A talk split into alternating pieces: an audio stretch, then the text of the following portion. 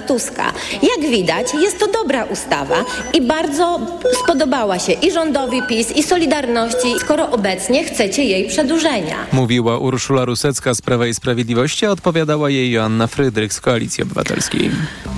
Kto szybko zdecyduje się wykupić wakacje na koniec czerwca lub na wrzesień, może na urlopie sporo zaoszczędzić. Z analiz przeprowadzonych przez Biuro Podróży Neckera wynika, że wypoczynek tuż przed sezonem lub tuż po nim jest tańszy o kilka do nawet kilkudziesięciu procent w stosunku do wakacji na przełomie lipca i sierpnia. Gdzie i kiedy jest najtaniej sprawdzał Tomasz Węska. W Polsce największe różnice w cenach widać nad morzem. Pod koniec czerwca i we wrześniu wakacje dwójki dorosłych i dwojga dzieci na Wybrzeżu Środkowym, na przykład w Mielnie, mogą być nawet do 40% tańsze niż w drugiej połowie lipca. Na Mazurach, na przykład w Mikołajkach, tańsze o 1 trzecią. W przypadku gór różnice są mniejsze. W Sudetach tuż po sezonie jest 2, a przed sezonem 7% taniej. Jeśli chodzi o zagranicę, też warto szukać okazji poza sezonem, mówi Maciej Nykiel z. Te najkorzystniejsze oferty będą we wrześniu, w drugiej połowie września, albo jeszcze teraz, w końcówce czerwca, przed rozpoczęciem się wakacji tradycyjnych ferii letnich. A więc te najbliższe kilka dni e, może sprawić, że wylot na wakacje będzie nawet o 50% tańszy. A wyjeżdżającym za granicę dodatkowo sprzyja korzystny stosunek złotego do euro czy dolara. Tomasz Fęskę, TOK FM. Kolejne informacje o 9.20. Za chwilę magazyn EKG i Tomasz Setta. Wcześniej prognoza pogody.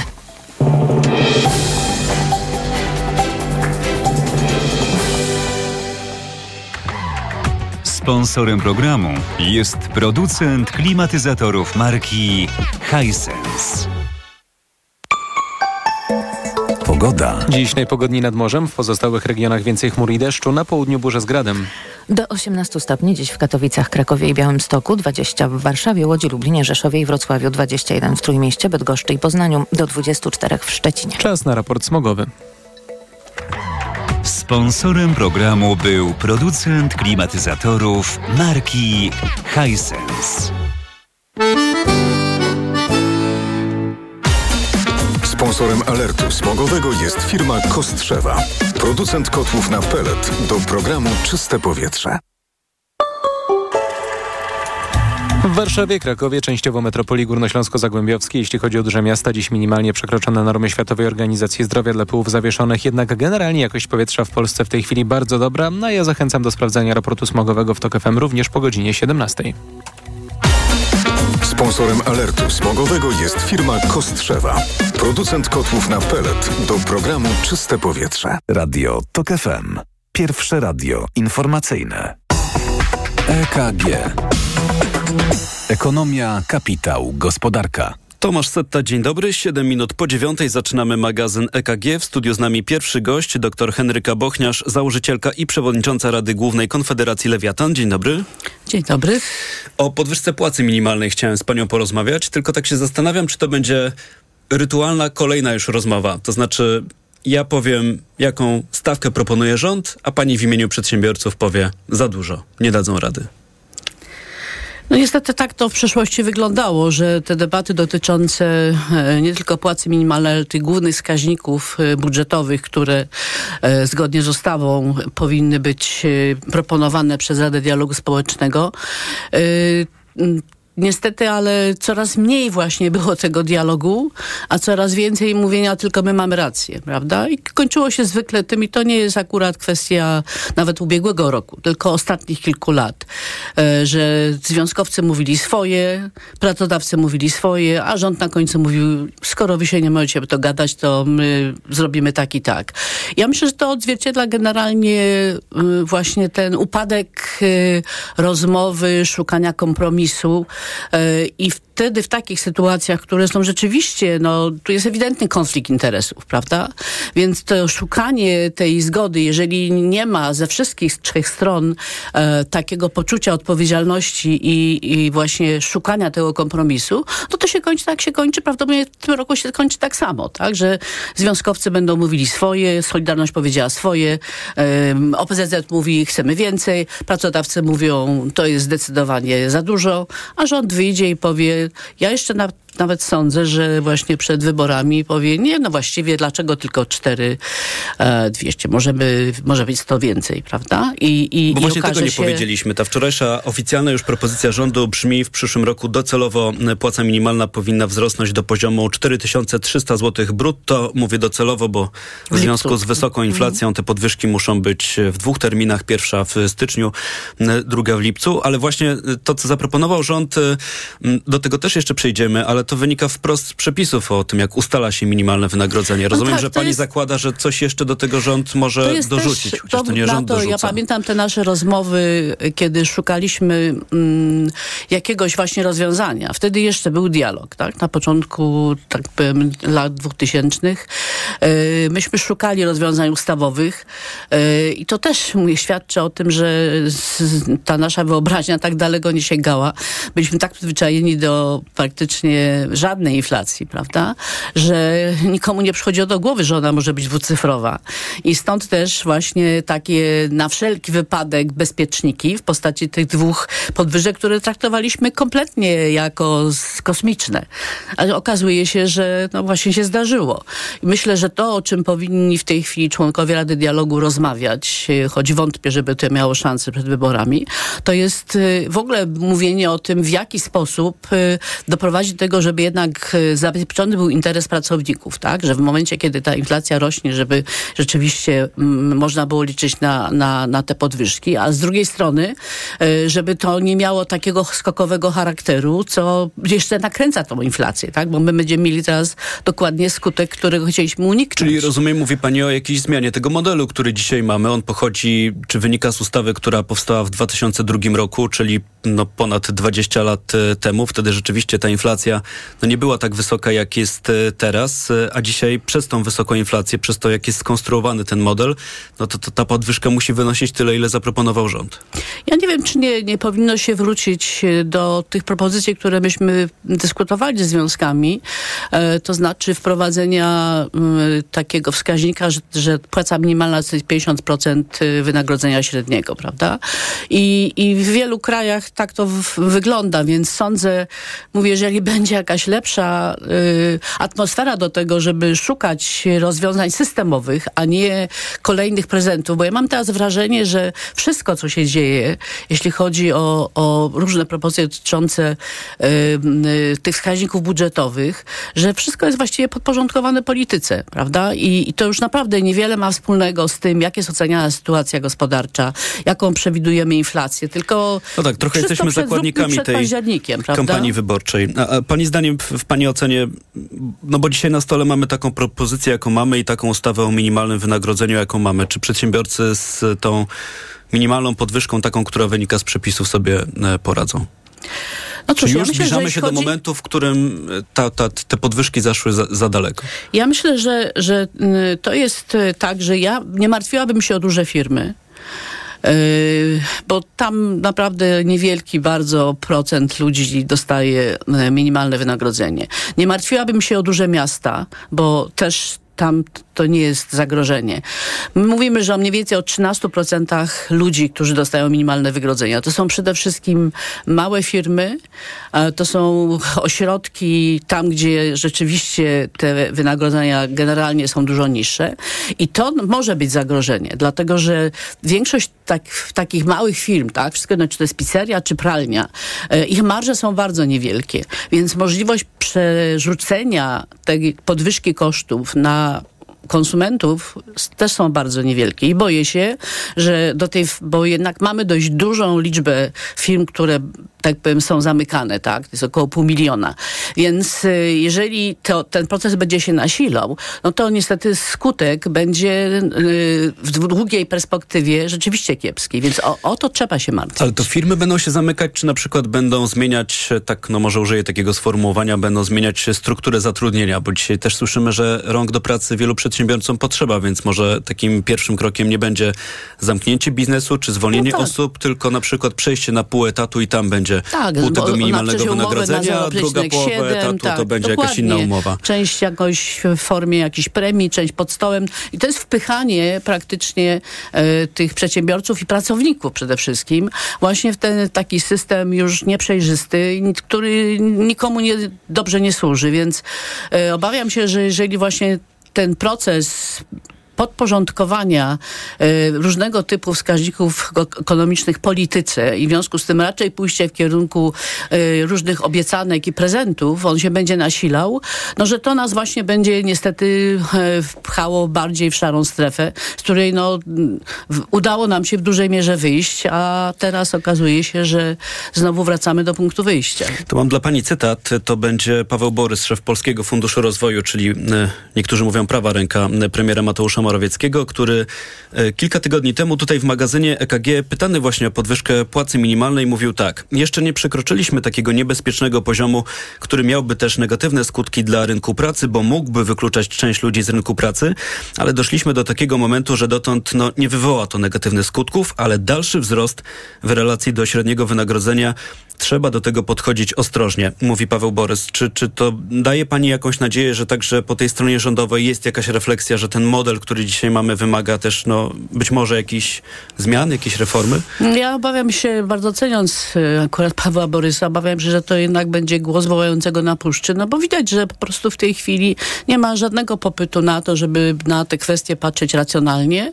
Natomiast absolutnie jest podporządkowanie w, e, wszystkich właściwie decyzji dotyczących e, spraw e, ekonomicznych e, kalendarzowi wyborczemu. W związku z tym ja się czasami tak zastanawiam, czy w ogóle jest takie myślenie, że po 15 października jest 16 października. I z czym my, czy to się skończy tym, że to po prostu obiecanki, casanki, gruszki na wierzbie, czy też ktoś poważnie myśli o dostarczaniu tego wszystkiego i jak to się potem przełoży rzeczywiście na gospodarkę. I ja się boję, że po prostu to, o czym na przykład ja w tej chwili wróciłam z y, spotkania prezydentów Konfederacji Pracodawców całej Unii Europejskiej, tam jest debata przede wszystkim o kon- kon- konkurencyjności, tak? Bo to, co się na przykład dzieje w Stanach, całe wszystkie te projekty, które powodują, że do Ameryki rzeczywiście no, nie tylko zwiększają się inwestycje amerykańskie, ale bardzo wiele przenoszonych jest inwestycji z Europy, e, że wszystko to nam po prostu zaczyna bardzo zagrażać. I I rozumiem, zrobić? że pani brakuje takiej dyskusji na poziomie my politycznym w ogóle o tym nie w rozmawiamy. My po prostu właśnie, żeby dobiec do 15 października, tylko e, no, z punktu widzenia gospodarki, to jest no, taka bardzo krótka perspektywa i obawiam się, że to rozgrzanie atmosfery, to te obiecanki wszystkie, to przekonywanie ludzi, że właściwie wszystko jest decyzją rządu, prawda? E, I że jak będzie miły, to da. E, I że to nie ma nic wspólnego z, po prostu z jakimiś prawami ekonomicznymi. I że tak na końcu to wszystko się dzieje z naszych pieniędzy. Że powrót do takiej podstawowej wiedzy ekonomicznej będzie bardzo trudny. Tu mam trochę wrażenie, że pije pani do tego, o czym wczoraj napisał w mediach społecznościowych premier Mateusz Morawiecki, ogłaszając tę podwyżkę czy propozycję podwyżki płacy minimalnej. Napisał, że to jest możliwe innymi dzięki naprawie finansów publicznych, chociaż to A my, nie a rząd my będzie wiemy, jak, jak minimalną. to w tej chwili wygląda, prawda? Jak, Wypłacać. jak rośnie deficyt i jak, jak ogromny procent jest poza kompletnie kontrolą czyjąkolwiek. Więc y, dlatego mówię, to jest naprawdę bardzo niebezpieczny czas i ja myślę tak, z jednej strony nie jesteśmy wyjątkiem, dlatego że wiemy doskonale, że e, wszędzie tam, gdzie, gdzie odbywa się kampania wyborcza, e, składa się różnego typu deklaracje, żeby przyciągnąć e, jakiś tam elektorat. Natomiast wydaje się, że w takiej sytuacji, jaką my mamy w tej chwili, przy tak na jednej z najwyższych inflacji e, w Europie, przy właśnie e, bardzo niskim wskaźniku inwestycji, więc braku tych czynników, które by dawałyby nam szansę na to, żeby rzeczywiście pójść do przodu, to to jest e, dużo bardziej niebezpieczne niż w gospodarkach, które tak jak amerykańska mają inflację teraz tam 4%, w, w krajach europejskich gdzieś tam około 5-6%, natomiast my naprawdę mamy ogromny problem. Wciąż trz- 13 i będziemy się cieszyć, jak będzie mniej niż 10, a to wciąż będzie bardzo wysoka inflacja. To na koniec naszej rozmowy, chociaż to jest temat rzeka, ale chciałbym jeszcze też o to zapytać, e, także w kontekście tej toczącej się wciąż prekampanii wyborczej, bo tej oficjalnej kampanii jeszcze nie ma. E, Czy pani zdaniem polski rynek pracy poradzi sobie w dalekiej perspektywie bez migrantów? Na pewno sobie nie poradzi, bo przecież te trendy demograficzne dają się bardzo dobrze akurat wyliczyć, tak? Tutaj, tutaj nie ma niespodzianek. Wiadomo dokładnie, że przy tej dzietności, którą mamy w tej chwili, przy tak starzejącym się społeczeństwie, po prostu ile będzie ludzi gotowych pracować y, za te 5 czy 10 lat. To w, I w, związku w tym kontekście pani rozumie te, te, te akcenty, w które uderza teraz y, rząd, znów antymigracyjne? Ja myślę, że to znowu właśnie czysta polityka, tak? Bo z jednej strony wiemy, że y, wpuszcza się bardzo dużo ludzi, tak? Około 90 tysięcy jest tych zgód oficjalnych, a ja już nie mówię o tych, którzy nieoficjalnie są, prawda? I to są ludzie I spora część tych osób też pochodzi z krajów muzułmańskich. Absolutnie. Czemu więc, tak rząd się oficjalnie strony, mocno sprzeciwia? Więc dokładnie. Z jednej strony się, tak powiem, pozwala na to, żeby oni tutaj byli. No dla mnie cała ta sprawa w tej chwili z tą budową miasteczka dla Orlenu i od razu mówieniem o tym, że tam musi być dużo więcej posterunków policji, bo takie jest zagrożenie, no to jest właśnie ta schizofrenia kompletna, prawda? A z drugiej strony e, będziemy mówić, że to zagraża naszemu bezpieczeństwu i wobec tego nie będziemy tych ludzi wpuszczać. Więc, e, no ale czy na to jest jakaś rada? Jeżeli, mówię, wszyscy się też godzimy na to. My jedyna rada to jest taka... Musimy myśleć, być już po wyborach. Myśleć, myśleć wszystkim po pierwsze, kogo wybierzemy, tak? Patrzeć na te programy i, i jednak postarać się rozróżniać, nie, nie, nie, nie kupować e, tego, co sprzedaje nam się jako towar pierwszej jakości yy, i po prostu brać e, to pod uwagę przy swoich decyzjach wyborczych, a po drugie, yy, no zobaczymy, yy, na ile po wyborach jednak wróci ten racjonalizm i, i myślenie o jakiejś odpowiedzialności. Henryka Bochniarz, założycielka i przewodnicząca Rady Głównej Konfederacji Lewiatan. Bardzo dziękuję za rozmowę. Dziękuję bardzo. Zbliża się 9.20, to czas na informacje. EKG. Ekonomia, kapitał, gospodarka. Autopromocja. Dołącz do subskrybentów Tok FM Premium. Słuchaj swoich ulubionych audycji i podcastów Tok FM, których nie usłyszysz na naszej antenie. Słuchaj wygodnie, gdziekolwiek jesteś. Zawsze, gdy masz na to ochotę. Wykup dostęp do Tok FM Premium. Zapłać 150 zł i korzystaj przez cały rok. Szczegóły oferty znajdziesz na tokefm.pl. Autopromocja. Radio Tok FM. Pierwsze radio informacyjne. Informacje Tok FM.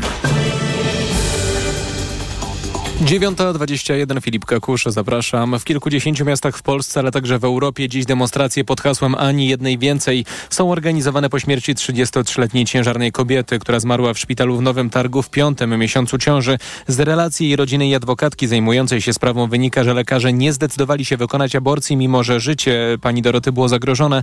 Dyrektorem szpitala w Nowym Targu jest Marek Wierzba, polityk suwerennej Polski, partii Zbigniewa Ziobry, która była za zaostrzeniem prawa aborcyjnego. Kolejne rosyjskie ostrzały obiektów cywilnych w Kramatorsku i Konstantyniwce na wschodzie Ukrainy. Zginęły trzy osoby, trzy zostały ranne. Zniszczonych jest co najmniej siedem domów mieszkalnych, uszkodzonych ponad 70. Pociski trafiły także w gazociąg i sieci elektroenergetyczne. Kolejny rok rośnie liczba uchodźców i przesiedleńców. Organizacja Narodów Zjednoczonych wylicza, że w tej chwili na świecie jest 110 milionów ludzi, którzy z powodu konfliktów zostali zmuszeni do opuszczania swoich domów. To prawie 20 milionów więcej niż na koniec 2021 roku. Pogoda.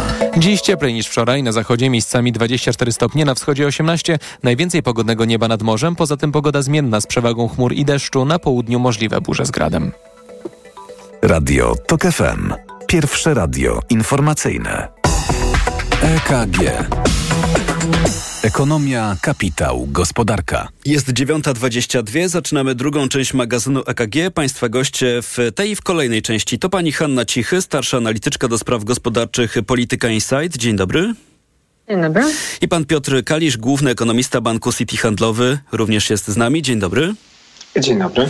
Proponuję, żebyśmy od tej płacy minimalnej zaczęli. Wczoraj rząd przedstawił swoją oficjalną propozycję. No, Koniec końców wzrost ten docelowy, czy ta docelowa wysokość płacy minimalnej w przyszłym roku ma być wyższa o 20%. Ta płaca minimalna ma być wyższa o 20% niż jest, czy niż będzie wynosiła w tym roku, dokładnie w lipcu. No i pytanie do Państwa, e, czy to jest e, koniec tej historii, czy coś tu jeszcze nas czeka? Myślę o tym całym procesie negocjacji, który temu towarzyszy, bo ta oficjalna propozycja rządu, która teraz trafi do Rady Dialogu Społecznego, to jest e, w jakimś sensie kolejny etap negocjacji, a ta finalna decyzja, no poznamy ją albo w lipcu, albo we wrześniu, czyli tuż przed wyborami parlamentarnymi. Hanna Cichy na początek. No, te negocjacje w sprawie płacy minimalnej to jest pewien rytuał, który mm, powtarza się co roku. Rząd składa jakąś propozycję. Mm, Podczas Rady Dialogu Społecznego strona e, pracodawców e, twierdzi, że wolałaby mniejszą płacę minimalną, strona związkowa większą i rząd zwykle skłania się jednak ku tym postulatom związkowym. Bywały nawet takie lata, że przebijał je i oferował tam podwyżkę płacy minimalnej wyższą niż prosiły o to związki. Mamy rok wyborczy i mamy dosyć napiętą sytuację w finansach publicznych, więc no nie byłabym zaskoczona, gdyby ta płaca minimalna miała być jeszcze trochę wyższa, no bo jest to taka sympatyczna obietnica wyborcza, za którą dużym stopniu płaci jednak ktoś inny.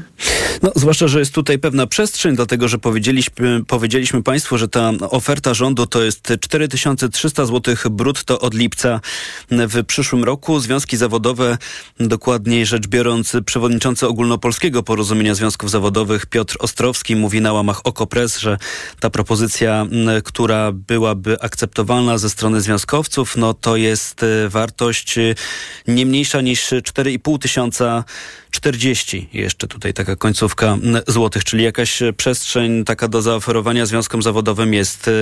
Pan Piotr Kalisz, czego pan się spodziewa? No pana też chciałem dopytać o to, jakie e, skutki takie już no, gospodarczej dla, dla, nie tylko dla tych, którzy zarabiają płacę minimalną, będzie miało podniesienie płacy minimalnej właśnie w takiej skali. E, po pierwsze, jeżeli chodzi o, o to, czy jest e, szansa na większą podwyżkę, no to myślę, że mm, no widzieliśmy to już w przeszłości, że, że ta kwota może być jeszcze zwiększona, zmieniona w, w trakcie negocjacji. E, no, jesteśmy też w okresie przedwyborczym, inflacja sama w sobie jest wysoka. Więc i, i prawdopodobnie płace w ogóle w gospodarce narodowej mogą jeszcze zaskakiwać in plus, więc to wszystko powoduje, że w najbliższym czasie myślę, że ryzyko tego, że nie skończy się na, na, na dotychczas obiecanych czy zapowiedzianych e, podwyżkach płacy minimalnej jest dosyć istotne. Znaczy na pewno trzeba brać to e, pod uwagę. Jeżeli chodzi o wpływ, to Zazwyczaj jest tak, że jest w sumie wiele badań pokazujących, że zmiany płacy minimalnej, one na zatrudnienie mają taki ograniczony wpływ. Natomiast problem polega na tym, że um, większość tych badań była przeprowadzana w przypadku stosunkowo niewielkich zmian, um, przynajmniej w porównaniu z tymi, które zachodzą w Polsce. My mamy tutaj kolejny rok bardzo istotnych wzrostów e, płacy minimalnej. Wydaje mi się, że może nawet efekt nie jest w postaci takiego bezpośredniego, namacalnej zmiany zatrudnienia, bo tutaj sytuacja na rynku pracy jest bardzo napięta. Natomiast myślę, że z czasem to będzie widać w, w e, konkurencyjności polskiej gospodarki, to znaczy z czasem, e, no my, my, jesteśmy, działamy na rynku międzynarodowym. E, jeden z takich bardzo silnych motorów napędowych gospodarki to był eksport i o ile jeden rok wyraźnego wzrostu wynagrodzeń niczego nie zmienia, no to mamy już trzeci, czwarty rok um, takich dużych zmian i to może mieć znaczenie. To mówił pan Piotr Kalisz, bardzo dziękuję. To jeszcze e, wróćmy do pani Hanny Cichy. Czy, czy pani zdaniem z tym, w jakim tempie rośnie to minimalne wynagrodzenie, zbliżamy się do jakiegoś niebezpiecznego punktu także z punktu widzenia pracowników, to znaczy do takiego momentu, w którym te podwyżki będąc e, zbyt duże, mogą paradoksalnie także uderzyć w samych pracowników. Tu trochę nawiązuje do tego, o czym mówił w naszym studiu kilka tygodni temu szef Polskiego Funduszu e, Rozwoju Paweł Borys, który mówił, że no jeszcze tego poziomu nie przekroczyliśmy, ale trzeba się zastanowić, czy ostrożnie podchodzić do kolejnych tak dużych podwyżek. Też no nieprzypadkowo przywołuje akurat te słowa, bo no, Polski Fundusz Rozwoju i Paweł Borys to, to osoby blisko związane z obozem e, władzy, więc e, e, wydaje mi się, że ta refleksja także z tego powodu jest, jest ciekawa. Pani Hanna Cichy. Myślę, że jakieś ruchy na, na rynku już są zauważalne. Jeżeli spojrzymy na to, jak chętnie firmy inwestują w automatyzację, zwłaszcza te firmy, które opierają się na na takiej prostej pracy, gdzie te czynności jest łatwo zautomatyzować. Chociażby handel, tak? Mówię o kasach automatycznych. Ale również w przemyśle to się coraz częściej pojawia. Im, im bardziej drożeje praca i przez płacę minimalną, i przez generalnie niedobór mm, pracowników o odpowiednich kwalifikacjach, tym większa będzie skłonność do, do automatyzacji w firmach. Natomiast jeżeli y, mm, my rozmawiamy o tym, czy płaca minimalna rośnie mm, za szybko, czy, czy nie za szybko, no to musimy jednak wiedzieć, że ten wzrost, nawet te liczby, które wczoraj zaproponował rząd, one są nieznacznie wyższe niż minimalna podwyżka płacy mm, minimalnej, która wynika z ustawy. Więc jeżeli chcielibyśmy rozmawiać o tym, czy płaca minimalna docelowo nie powinna rosnąć trochę wolniej, no to może trzeba zacząć rozmawiać o tym, czy podobają nam się te zapisy ustawowe. One są, przypomnę, takie, że, że płaca minimalna musi wzrosnąć co najmniej o wartość inflacji i dwie trzecie tempa mm, wzrostu przeciętnych wynagrodzeń, jeżeli ona nie, e, nie stanowi połowy średniego wynagrodzenia. No więc e, nie wydaje mi się, żeby była w tej chwili w społeczeństwie gotowość do tego, żeby, żeby zmieniać te zapisy ustawowe i ten wzrost płacy minimalnej zarówno w tym roku, jak i w kolejnym jest pokłosiem bardzo dużej inflacji. Pytanie, na ile ma potencjał do utrwalania tej inflacji, czy rozlewania się jej, tak jak ostatnio mamy do czynienia głównie z mm, inflacją cen produktów, to, to czy przez te wysokie podwyżki płacy minimalnej to nie będzie się rozlewało na ceny usług. To pozwolę sobie, żeby ten wątek jeszcze przejął pan Piotr Kalisz, to znaczy wpływ tego, co dzieje się z płacą minimalną, te podwyżki, które teraz proponuje rząd, za chwilę negocjacje, gdzieś tam po drodze ta, ta, ta końcowa decyzja, jak to może się przełożyć na to, co dzisiaj no wielu nam spędza sens powiek, czyli na walkę z drożyzną. Że to trochę jest tak, że Trudno się spodziewać takiego, jeżeli oczekujemy, że płaca minimalna wzrośnie i automatycznie w tym samym miesiącu coś się zmieni z cenami, to zazwyczaj to nie działa w taki sposób. To znaczy te efekty są rozłożone w czasie, one są, nie są takie spektakularne i dlatego jakby część osób nawet nie widzi związku między tym, co się dzieje z wynagrodzeniami, a z, z inflacją. Natomiast rzeczywistość, rzeczywistość jest taka, że, że faktycznie to oznacza po pierwsze szybszy średni wzrost wynagrodzeń, po drugie w wielu takich branżach, um, gdzie um, no, znaczenie pracowników, czyli automatyzacja jest mniejsza, znaczenie pracowników jest większe, te koszty rosną szybciej i to będzie się przekładać na, na inflację.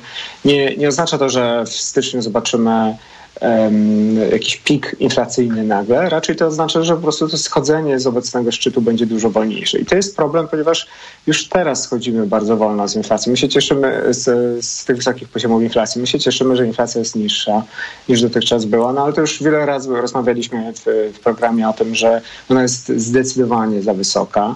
E, I jakby, jeżeli chcemy rozwiązać ten problem, który jest dokuczliwy jakby dla, dla wszystkich, dla całego społeczeństwa, to też musimy zrozumieć, że to się wiąże z na przykład wolniejszym wzrostem gospodarczym, wolni- słabszym popytem, trochę gorszą sytuacją na rynku pracy. Te, te, to są warunki konieczne do tego, żeby obniżyć inflację. Nie można e, liczyć na spadek inflacji, nie będąc gotowym e, na, na spowolnienie gospodarcze albo trochę niższy wzrost wynagrodzeń.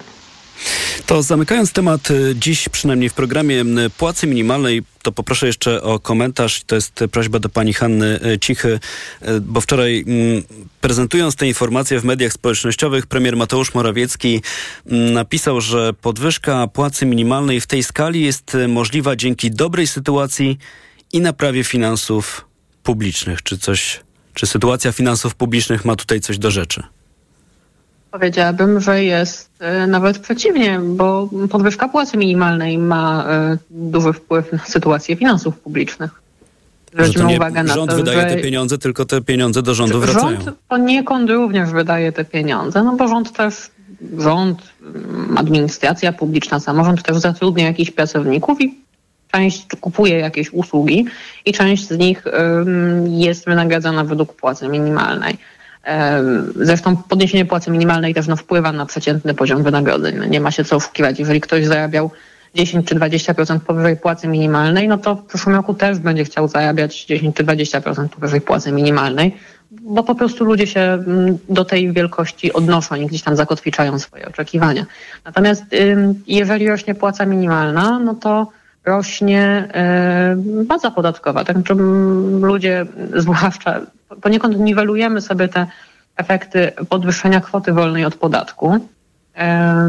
Rosną, mniej osób również załapuje się na progi dochodowe do różnego rodzaju innych świadczeń czy pomocy. E, no i rosną e, wpływy ze składek do ZUS, a dzięki temu może spadać dotacja do ZUS, którą wypłaca budżet państwa. Mówiła Hanna Cichy, bardzo dziękuję. Przypomnę, ta rządowa propozycja, którą poznaliśmy wczoraj, zakłada, że od stycznia przyszłego roku pensja minimalna będzie wynosić 4242 zł brutto. Od lipca druga podwyżka, wtedy ta płaca minimalna powinna doszusować do poziomu 4300 zł brutto. W tym roku po tej lipcowej podwyżce to będzie 3600, więc jak sobie te 3600 i 4300 porównamy, to daje nam wzrost o 20%. To minimum, które wynika z przepisów, więc niewykluczone, że w toku negocjacji, negocjacji rząd zaproponuje dorzuci jeszcze e, jakąś inną e, kwotę, e, stawkę. Zwłaszcza, że mamy kampanię wyborczą, więc nie da się tego wykluczyć. Temat płacy minimalnej zostawiamy na boku i wspólnie z państwem trochę będziemy przyglądać się temu, co dzieje się za granicą. EKG. Co dzieje się za granicą, a właściwie co wydarzy się za granicą? Czekamy dziś na decyzję amerykańskiej rezerwy federalnej, czyli e, tamtejszego e, banku centralnego, będzie to decyzja w sprawie stóp procentowych. To pytanie do pana Piotra Kalisza. Jakiej decyzji pan się spodziewa? Czy w, to będzie wciśnięcie przycisku pauza? podwyżka, może obniżka, zwłaszcza, że mamy tutaj e, nowe dane, które pozwolą nam tu jakoś przewidzieć tę możliwą decyzję, bo poznaliśmy wczoraj dane o inflacji w Stanach Zjednoczonych, która z tego co czytam, y, kolejny miesiąc z rzędu, 11, jeśli dobrze liczę, spada. E, tak, inflacja w, w Stanach, e, powiedzmy w ciągu ostatnich kilkunastu miesięcy wyraźnie e, zaczęła słabnąć, przynajmniej ostatnich kilku miesięcy. E, natomiast no, wczorajsze dane były zgodne z oczekiwaniami. Więc nie ma tu jakiejś dużej niespodzianki. E, rynki finansowe, jeżeli można je tak personifikować, e, no jakby odebrały te dane e, jako potwierdzenie tego, że dzisiaj Fed powstrzyma się od obniżek, od podwyżek, czyli przerwie ten dotychczasowy cykl, natomiast nie przerwie, nie zakończy go. Natomiast na przykład no, nie wiem, czy to jest tak w 100% pewne. Znaczy inflacja, gdyby spojrzeć na nią, jest wciąż wysoka i prognozy, które, yy, które którymi Fedy dysponuje, raczej sugerują, że powrót do celu jest yy, bardzo powolny. Natomiast wydaje mi się, że nawet jeżeli, jeżeli Komitet Otwartego Rynku Fed zdecyduje się dzisiaj pozostawić y, stopy bez zmian, to wciąż myślę, w tym roku jest szansa jeszcze nawet na no, przynajmniej jedną, a prawdopodobnie ze dwie podwyżki.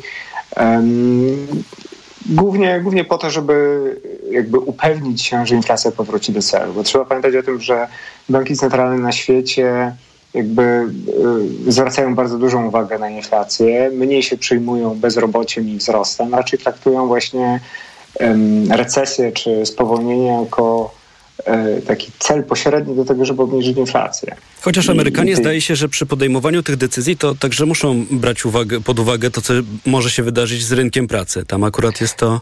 Tak, to nie jest e, w przeciwieństwie do sytuacji na przykład w Europie, gdzie Europejski Bank Centralny, europejskie banki w krajach, które nie są w strefie euro mają jasno wyznaczony taki cel stabilizacji cen. W Stanach to jest bardziej jakby niejednoznaczne, natomiast trzeba pamiętać o tym, że e, bezrobocie w, Stanach jest bardzo niskie. Ostatnie dane z rynku pracy okazały się zdecydowanie lepsze od prognoz. To kilkanaście razy z rzędu nas zaskakiwały in plus, e, a, ta ostatnia niespodzianka jest olbrzymia. Więc tak naprawdę no jeżeli zaczynamy myśleć o tym, czy Fed powinien się martwić o sytuację na rynku pracy, no to wciąż chyba jest w takiej sytuacji, kiedy powinien się bardziej martwić o inflację, która jest zbyt wysoko.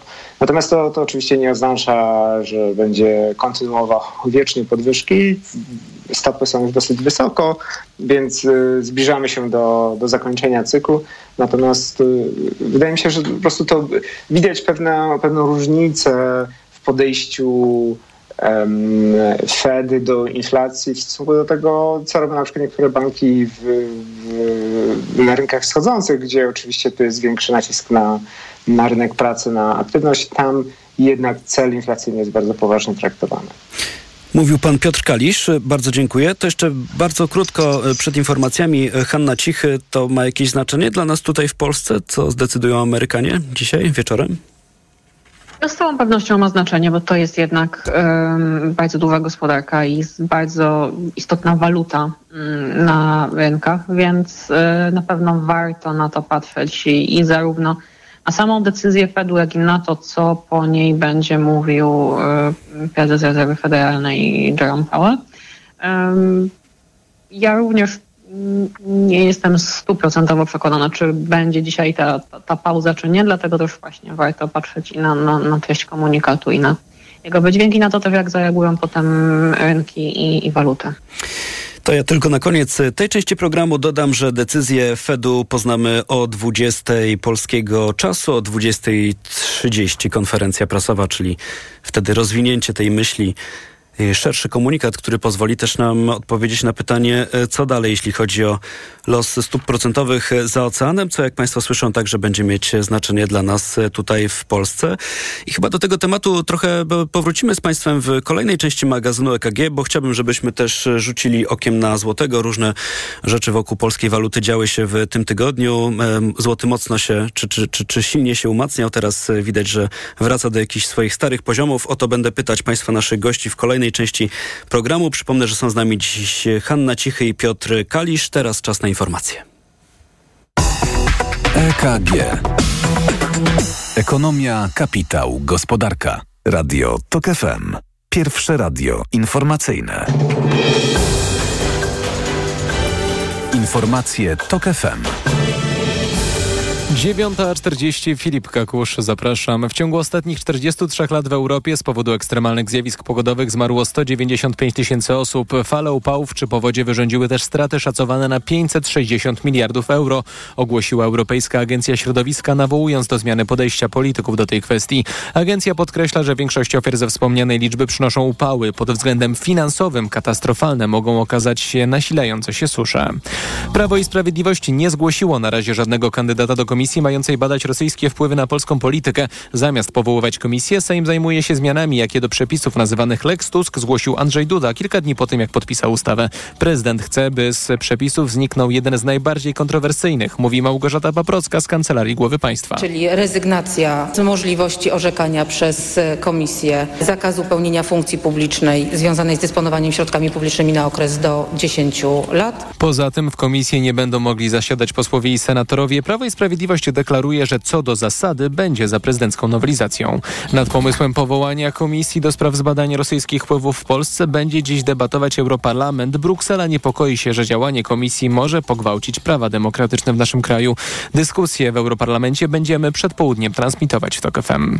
W najbliższych dniach w Polsce powstanie serwis, który pozwoli na naprawę uszkodzonych niemieckich czołgów Leopard, których używa Ukraina, podaje agencja Bloomberga. Ustalenia w tej sprawie zapadły w połowie maja. Niemcy mają wysłać do Polski części zamienne i swoich inżynierów, którzy będą mogli naprawiać maszyny w miarę na bieżąco. Zgodnie z deklaracjami państw Zachodu, Ukraina ma w sumie otrzymać około 150 leopardów.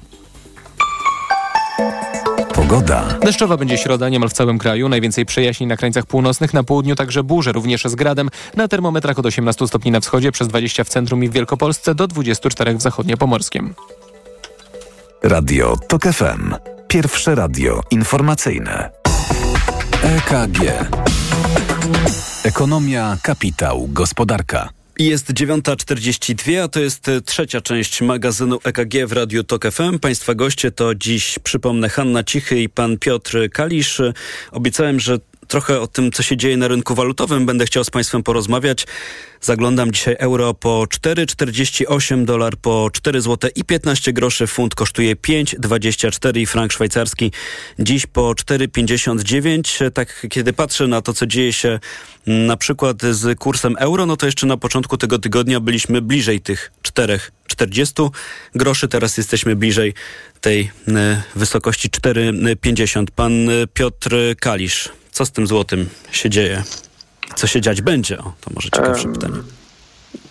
To, to akurat to drugie pytanie jest dużo trudniejsze oczywiście. Zdaję sobie Em, sprawę, że tu przewidywanie jakiekolwiek jest skazane niestety obarczone dużym ryzykiem.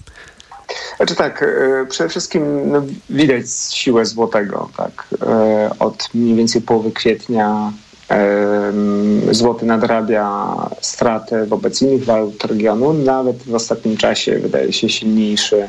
Radzi sobie naprawdę bardzo dobrze. Jak zwykle na rynkach finansowych trudno jest znaleźć jeden powód, który jakby tłumaczy ten ruch. E, Można jakby patrzeć na to, co się dzieje w gospodarce i spróbować e, znaleźć e, uzasadnienie, natomiast tak naprawdę trudno, trudno jest znaleźć to uzasadnienie. Częściowo czy to jest tak, że prawdopodobnie pod koniec ubiegłego roku, na początku tego roku e, możliwe, że Ministerstwo Finansów e, aktywnie wspierało walutę, jakby stabilizowało sytuację, tak jak to zazwyczaj robi w, okresach zawirowań. Natomiast w ostatnim czasie, jeżeli chodzi o ostat- ostatnie dwa miesiące, tak spoglądając na, na dane z rynku, no, trudno zauważyć coś, co by sugerowało aktywność na tej ministerstwa, przez, przynajmniej przez, przez ostatnie półtora miesiąca, więc myślę, że można przypuszczać, że to są po prostu napływy kapitału do Polski. Y, Możliwe, że FDI, możliwe, że też jest to efekt poprawy w, w handlu zagranicznym, bo trzeba pamiętać o tym, że no mniej więcej od marca mamy do czynienia, lutego, marca mamy do czynienia z poprawą salda handlowego, przez to, że po prostu importujemy dużo mniej. To jest główny powód. I z punktu widzenia złotego to jakby oznacza, że to jest trochę większy popyt tak netto na, na krajową walutę niż na e, zagraniczną walutę. Więc to może wspierać, ale tak jak powiedziałem, no my się trochę poruszamy tutaj jak zwykle na rynku walutowym. Trochę jak nazwijmy to dzieci we mgle, znaczy szukamy uzasadnienia do ruchów, które widzimy, ale nigdy nie mamy pewności, czy to jest rzeczywiście przyczyna tego, co się dzieje na rynku. Jasne, jasna sprawa. Mówił pan Piotr Kalisz, bo tak zastanawiam się jeszcze, czy informacje, które docierają do nas z polskiej gospodarki, tak jak chociażby ta wczorajsza deklaracja rządu dotycząca podwyżki płacy minimalnej, czy nowelizacja budżetu, różne rzeczy związane z kampanią wyborczą, czy w końcu ten spodziewany w tym tygodniu wyrok Unijnego Trybunału Sprawiedliwości w sprawie frankowej, czy, czy takie elementy to też ma wpływ na to, co dzieje się z polską walutą? Hanna Cichy? Na pewno, ale ten wpływ jest y, bardzo mm, zróżnicowany. Bardzo ważną rzeczą będzie wyrok y, w sprawie kredytów frankowych i to jest coś takiego, co może mieć y, wpływ na kurs. Natomiast nie wydaje mi się, żeby takie bieżące obietnice w kampanii wyborczej miały aż taki wpływ, jak raczej ich już faktyczna realizacja, czy um, Poza tym Polska wciąż jest dosyć silną gospodarką, jeżeli patrzymy na, mm, na strefę realną, więc y, w dalszym ciągu mamy bardzo dobre wyniki handlu zagranicznego. No to, wpływa oczywiście bardzo mocno na te ruchy mm, walut, bo, bo, bo trzeba wymieniać euro na złote i złote na euro. Y, Mamy wciąż, y, tak jak pan Piotr Kalisz mówił, napływ inwestycji zagranicznych, bezpośrednich inwestycji zagranicznych do Polski, bo bo jesteśmy atrakcyjnym rynkiem do lokowania różnego rodzaju inwestycji. E, I to mm, te, te ruchy realne stabilizują jakoś te, te różne takie jakieś spekulacyjne rzeczy, które mogą się dziać, dlatego że jakiś polityk coś tam powiedział. Bardzo dziękuję. Mówiła Hanna Cichy. Trwa magazyn EKG. W naszym programie to czas na zdziwienia. EKG. I zacznijmy tę część programu od y, pana Piotra Kalisza. Co pana dziwi? E, Znaczy, ja nawiążę trochę do naszej e, pierwszej rozmowy, znaczy naszej wspólnej pierwszej rozmowy o, o płacy minimalnej. Mnie, mnie w sumie dziwi, że często nawet e, pojawiają się wypowiedzi ekonomistów jakby uzasadniające, jakby zapominające, że, że głównym problemem w tym momencie to jest e, kwestia inflacji, obniżania inflacji to, to jest najbardziej dotkliwe dotkliwa część naszych problemów, tak? bo każda gospodarka ma jakieś różne problemy, ale to najbardziej dotyka gospodarstwa domowe i jakby wzrost wynagrodzeń czy powodowanie na przykład, że płaca minimalna rośnie do 50-60% um, średniej, zmniejszanie nierówności, to są e, to jest coś, z czym sobie można radzić, ale łat, łatwiej to sobie z tym radzić, jeżeli inflacja jest pod kontrolą. Jeżeli inflacja nie jest pod kontrolą, to te problemy wzajemnie się wzmacniają. I wydaje mi się, że no, mnie dziwi, że jakby tracimy trochę z, z oczu ten główny problem, z którym się w sumie borykamy od mniej więcej dwóch lat. E, I, i pewnie borykać się będziemy przez pewien jeszcze czas i, i utrudniamy sobie sytuację.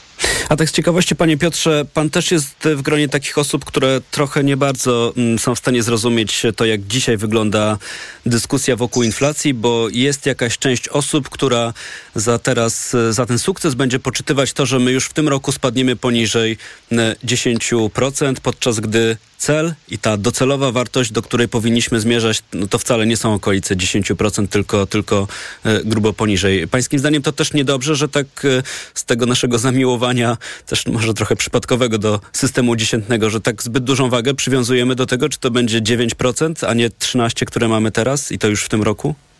Znaczy, zdecydowanie nie, nie jest to jakoś szczególnie uzasadnione. Znaczy, trzeba pamiętać, że gospodarka to jest też e, jakby w dużym stopniu e, psychologia i zachowanie ludzi. I jakby z jednej strony to jest naturalne, że przywiązujemy wagę do okrągłych liczb, ale też trzeba sobie zdawać sprawę, że jeżeli ogłaszamy sukces w momencie, kiedy inflacja spadnie poniżej 10%, to też jakby E, właśnie w ten psychologiczny sposób e, wysyłamy sygnał, że sytuacja jest pod kontrolą, inflacja na poziomie 9% może zostać, nie musimy jej już tak bardzo obniżać.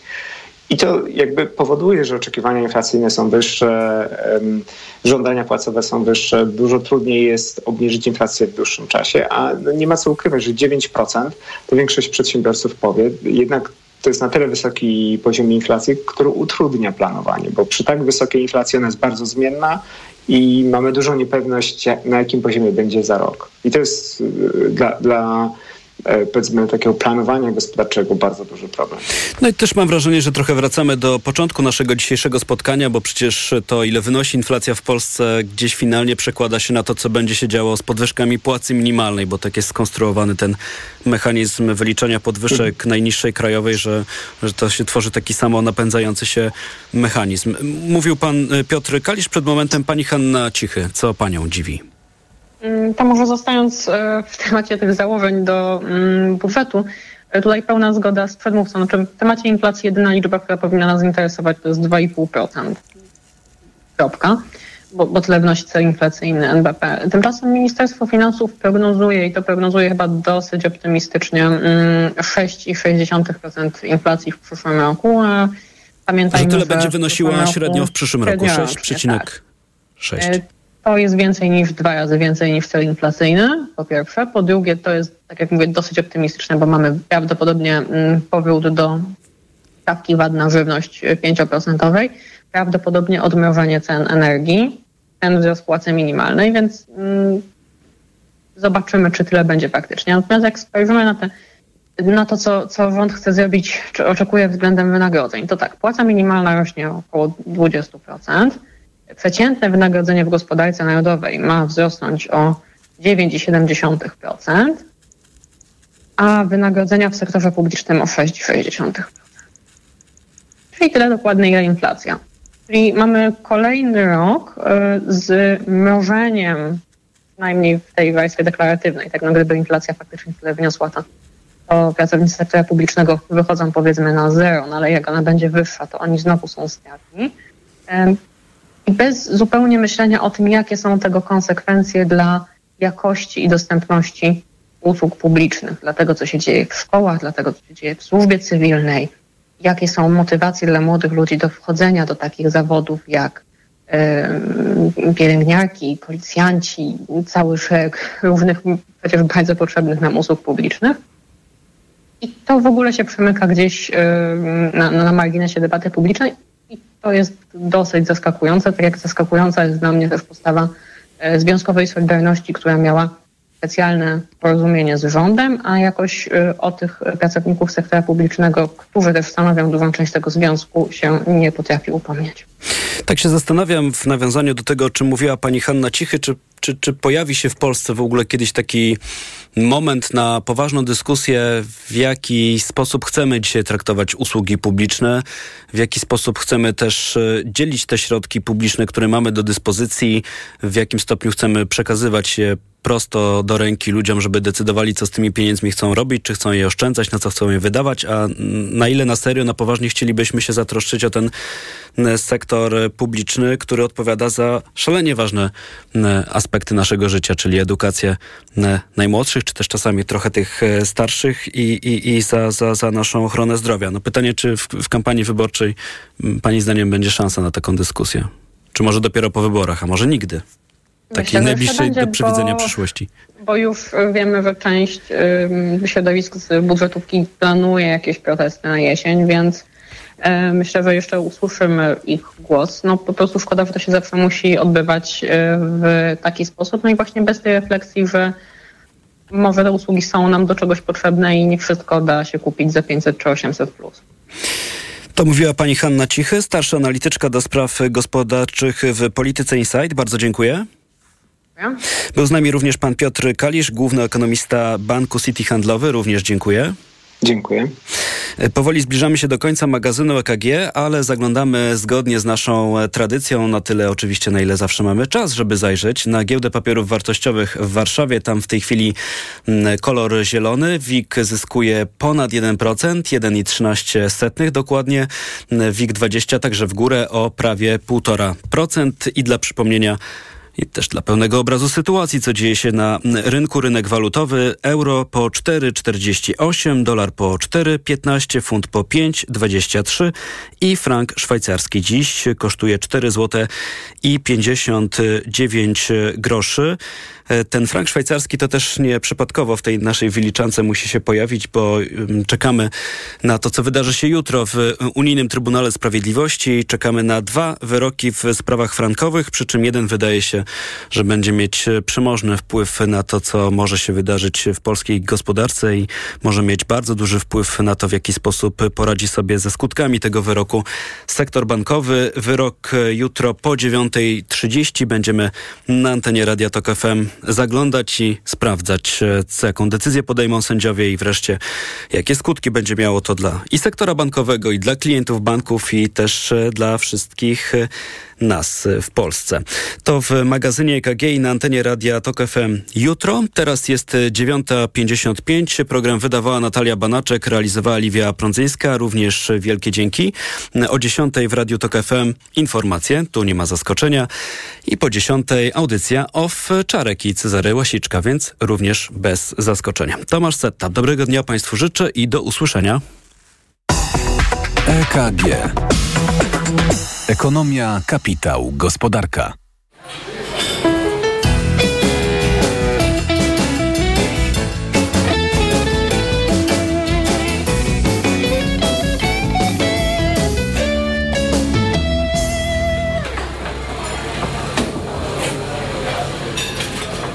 Polacy mają bardzo niskie zdanie o jakości parlamentaryzmu w Polsce. A pan to jeszcze modli się po polsku, czy już po rosyjsku? Marszałek Gosiewska, bo może młodzież nie notuje nas. I największy ham Rzeczypospolitej, ruska onuca.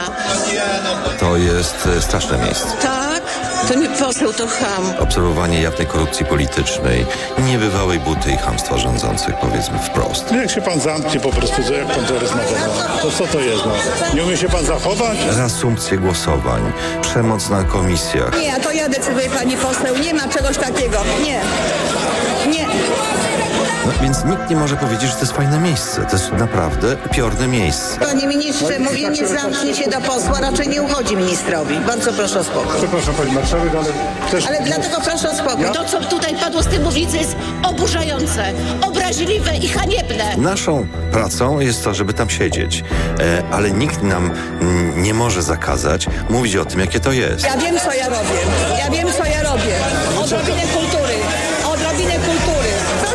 Usiąść. Proszę usiąść. Nie. Ogłaszam przerwę 10 minut. Radio TOK FM. Pierwsze radio informacyjne. Posłuchaj, aby zrozumieć. Lista przebojów TOK FM. Jakie radio? Taka lista. TOK 2. Pierwsze śniadanie w toku. 6.29 i 34 sekundy. Szanowni Państwo, Państwa i moim gościem miał być teraz Michał Kołodziejczak, lider Agrounii, rolniczej organizacji. E, Pan Michał Kołodziejczak miałby, miał być Państwa gościem także już jakiś czas temu. Wtedy zaspał, co się może zdarzyć o tej porze. Ale dzisiaj zaspał ponownie, co myślę, że liderowi organizacji, która chciałaby być traktowana poważnie, już się mm, nie powinno zdarzyć. Y, Niech Państwo, jeżeli czujecie się jako potencjalni wyborcy Agrounii, sami sobie wyciągną z tego wnioski do swoich decyzji. My już Pana Michała zapraszać Kołodziejczaka do śniadania raczej na razie nie będziemy. Lista przebojów TOK FM. Słuchaj i głosuj na portalu informacyjnym tokefm.pl.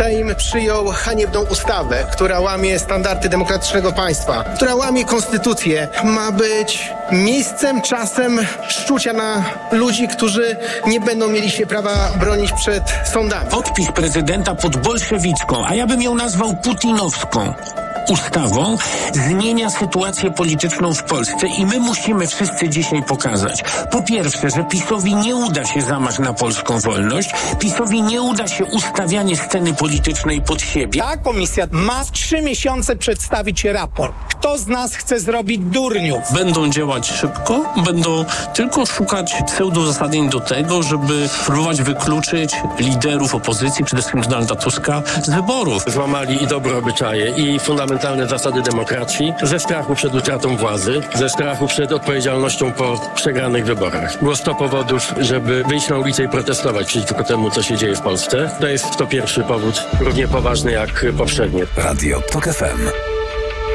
Pierwsze radio informacyjne. Posłuchaj, aby zrozumieć. Radio TOK FM. Pierwsze radio informacyjne. Środa, 14 czerwca.